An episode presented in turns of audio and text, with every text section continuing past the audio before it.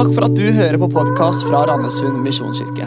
Denne talen er spilt inn på en av våre gudstjenester, og vår visjon er å hjelpe mennesker til tro på Jesus og et liv med Han. Gå inn på mkirken.no eller Randesund misjonskirke på Facebook for mer info.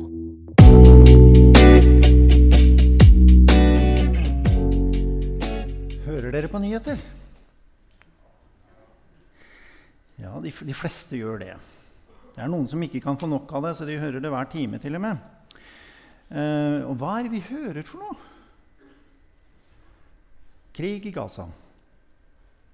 Krig i Ukraina. Bomber. Droner. Politisk korrupsjon og rot. Strømpriser, høy rente, svenske tilstander og knivstikking i Oslo hver dag. Hva gjør det med oss å høre dette her dag ut og dag inn? Altså For mange, kanskje de fleste, så er dette veldig nedtrykkende. Altså Det er som det er sånn massivt trykk av negative ting som kommer hele tiden. Og da er jo tendensen at vi blir motløse. Det påvirker ikke bare sinnsstemningen vår, men, men, lysten til å gjøre positive ting også. Type menighetsarbeid eller misjon eller andre gode ting. For du ah, nytter det, liksom? Det er bare negativt. Så hvordan håndterer vi det? Jeg traff en nabo på vei til butikken. Så jeg bor jo i Lillestrøm, altså rett utafor Oslo. Og så si, uh, kom hun inn på dette her, og så sier hun 'Jeg tør ikke lenger å dra til Oslo'. Ja. Det er jo en måte å håndtere det på. Altså unngå det. Unngå å reise dit, eller unngå å høre om det. Men det er jo litt vanskelig. Er, du kan unngå å dra til Gaza. Det er mulig.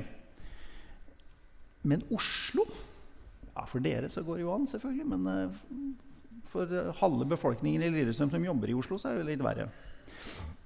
Men den måten å håndtere dette trykket av negativitet funker ikke. Det her, det dypeste stedet i verden det er i Marianegropen i Stillehavet litt øst for Filippinene. Det er det stedet i verden hvor det er størst trykk. Det er enormt trykk. Så mye vann over det, ikke sant? Eh, og det fins en beregning på dette her, på hvor eh, heftig trykk det er, men eh, det er jo bare et tall. Men det er en smartning som har eh, oversatt det til et språk det går an å forstå. Og det trykket der nede er like stort som om du tar Eiffeltårnet opp ned og setter det på stortåa di. Så stort trykk er det. Så vitenskapsfolk har jo da ment at det går ikke an å leve under et så stort trykk. Så det fins ikke noe levende nede i den Marianegropen. Trykket er for stort. Men for ni år siden, i 2014 så oppdaget man at det er noe som lever der. Det er en fisk! Fantastisk! Og den har fått navnet Mariana Havdal Sneglfisken. Hvordan kan den leve under så heftig trykk? Og svaret er at den har et mottrykk innvendig som utligner det som kommer utenfra. Og det er det vi trenger òg. Vi trenger et mottrykk på innsiden.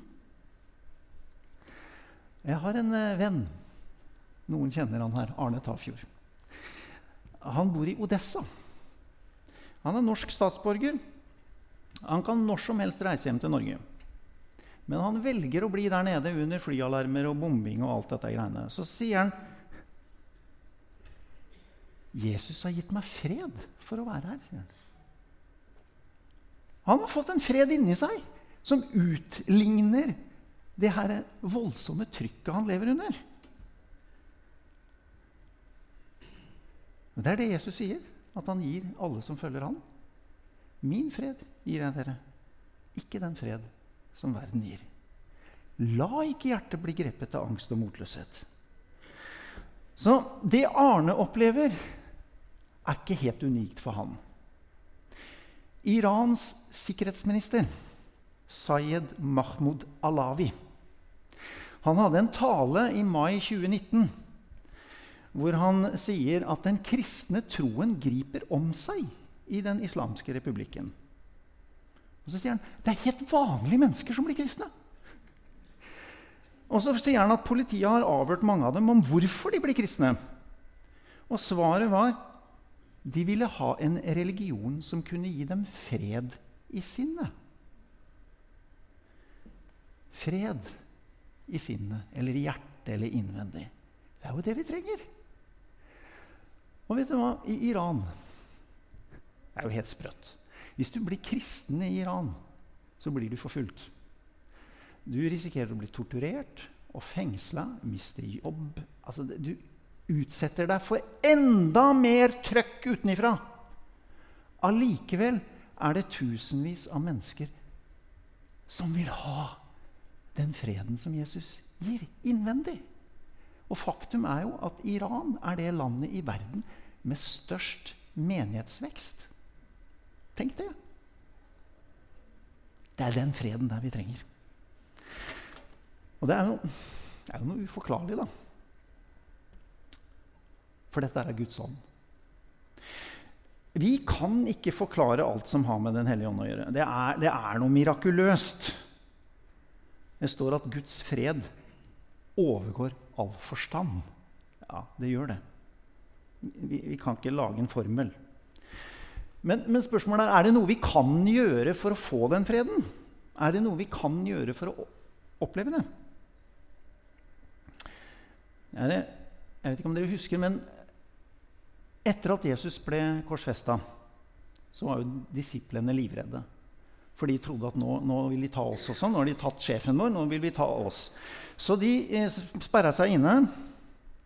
På, på første påskedag var de bak stengt dør, og de satt der og var redde. Pga. dette trykket utenfra. Og så plutselig står Jesus der. Husker du hva han sa? Han så på dem så sa han, 'Fred være med dere.' Og så pustet han på dem, og så sa han, 'Ta imot Den hellige ånd'. Altså, det er det vi kan gjøre. Ta imot. Ganske enkelt, men det går an å gjøre det. Og så står det i Salmenes bok.: Stor fred har de som elsker din lov.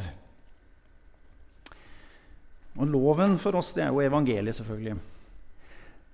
Og nå har jeg i noen måneder fulgt opp en eh, somalisk kristen som har, blitt, en, eh, som har blitt kristen her i Norge. Hun har vært hengiven muslim i 30 år. Og Det siste halvåret så har hun blitt utsatt for um, voldsomme drapstrusler, ganske reelle. Så hun har gått, måttet gå i dekning. Og jeg har besøkt henne annenhver dag nå i flere måneder. Og Her om dagen så satt, vi, så satt, hun og leste Bibelen når jeg kommer inn på rommet. Og så utbryter hun. Pål, det er helt fantastisk! Denne Bibelen, den gir meg sånn fred. Det er, det er jo som å få mat. Det er noe helt annet enn Koranen. Det er sant. Det er en annen ting det går an å gjøre. Det er å lese evangeliene, lese i Bibelen. Prøv. Likevel Jeg hadde et bilde her òg, det? Ja, det er sånn jeg. Det, det, det er ikke mitt. det er tatt med artificial intelligence. Nå er det jo sånn at ingen av oss har jo full kontroll på noen ting. Og av og til så blir jo bekymringer bare kasta på oss så vi, kan, vi kjenner på uro. Um, men, men, så er det jo det at Bibelen har faktisk en liten oppskrift på hvordan vi kan håndtere det. I Filipperne 4, vers 6 og 7. Der står det Legg alt dere har å be om framfor Gud. I bønn, påkallelse, med takk. Og Guds fred, som overgår all forstand, skal bevare deres hjerter i Kristus Jesus. Det er en fantastisk oppskrift. Så hvis noe blir kasta på deg, og du skjønner ikke hvorfor, men du kjenner på den uroen, ok, ta det du er urolig for. Løft opp til Gud. Påkall Han. Altså, kom med ditt nærvær, Jesus, og begynn å takke. Og takk Han for hvem Han er, og hva Han gjør for deg. Så er løftet at Guds fred, som overgår all forstand, skal bevare ditt hjerte i Kristus Jesus. Jeg bruker det verset veldig ofte, og det funker.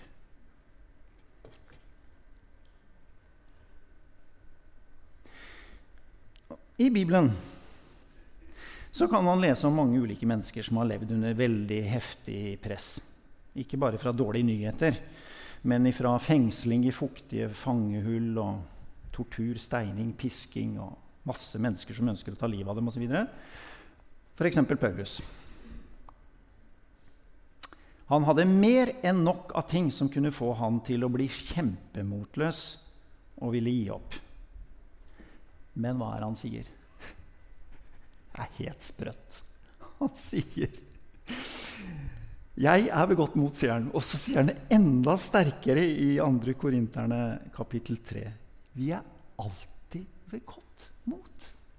Og når jeg leste det Det er noen måneder siden jeg leste det, og jeg har sikkert lest det mange ganger, men da, da liksom løfta det seg opp i ansiktet mitt. Hva er det den fyren der sier? Går det an? Og så måtte jeg bare se, da, Begrunner han det, liksom? Forklarer han hvorfor? Og det gjør han. Han sier vi ser på det usynlige og evige. Derfor mister vi ikke motet. Selv om vårt ytre menneske går til grunne, blir vårt indre menneske fornyet dag for dag.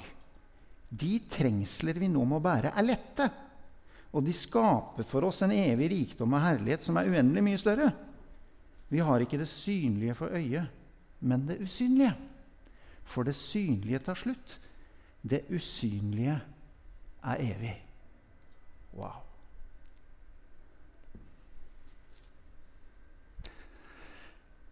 I oktober eh, nå sist så møtte jeg han karen her.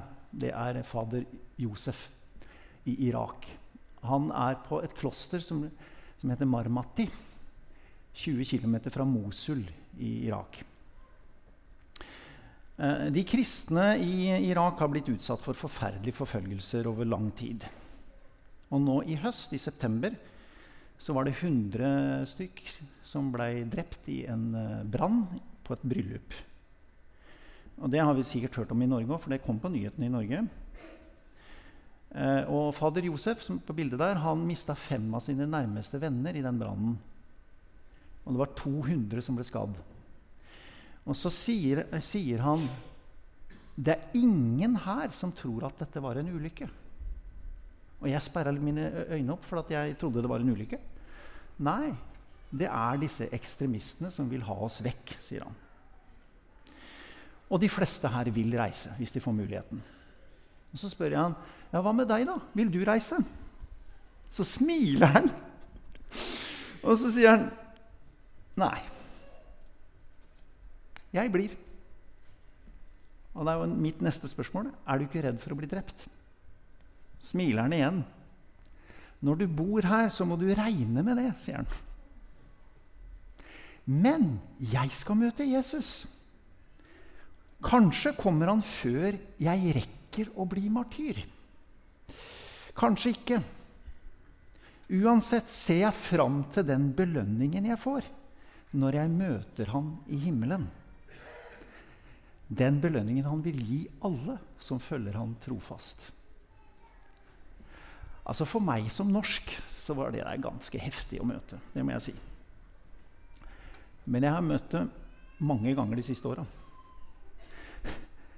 Håpet om himmelen og den nye himmel og jord der rettferdighet bor, den er veldig sterk i bevisstheten hos mange kristne som blir forfulgt.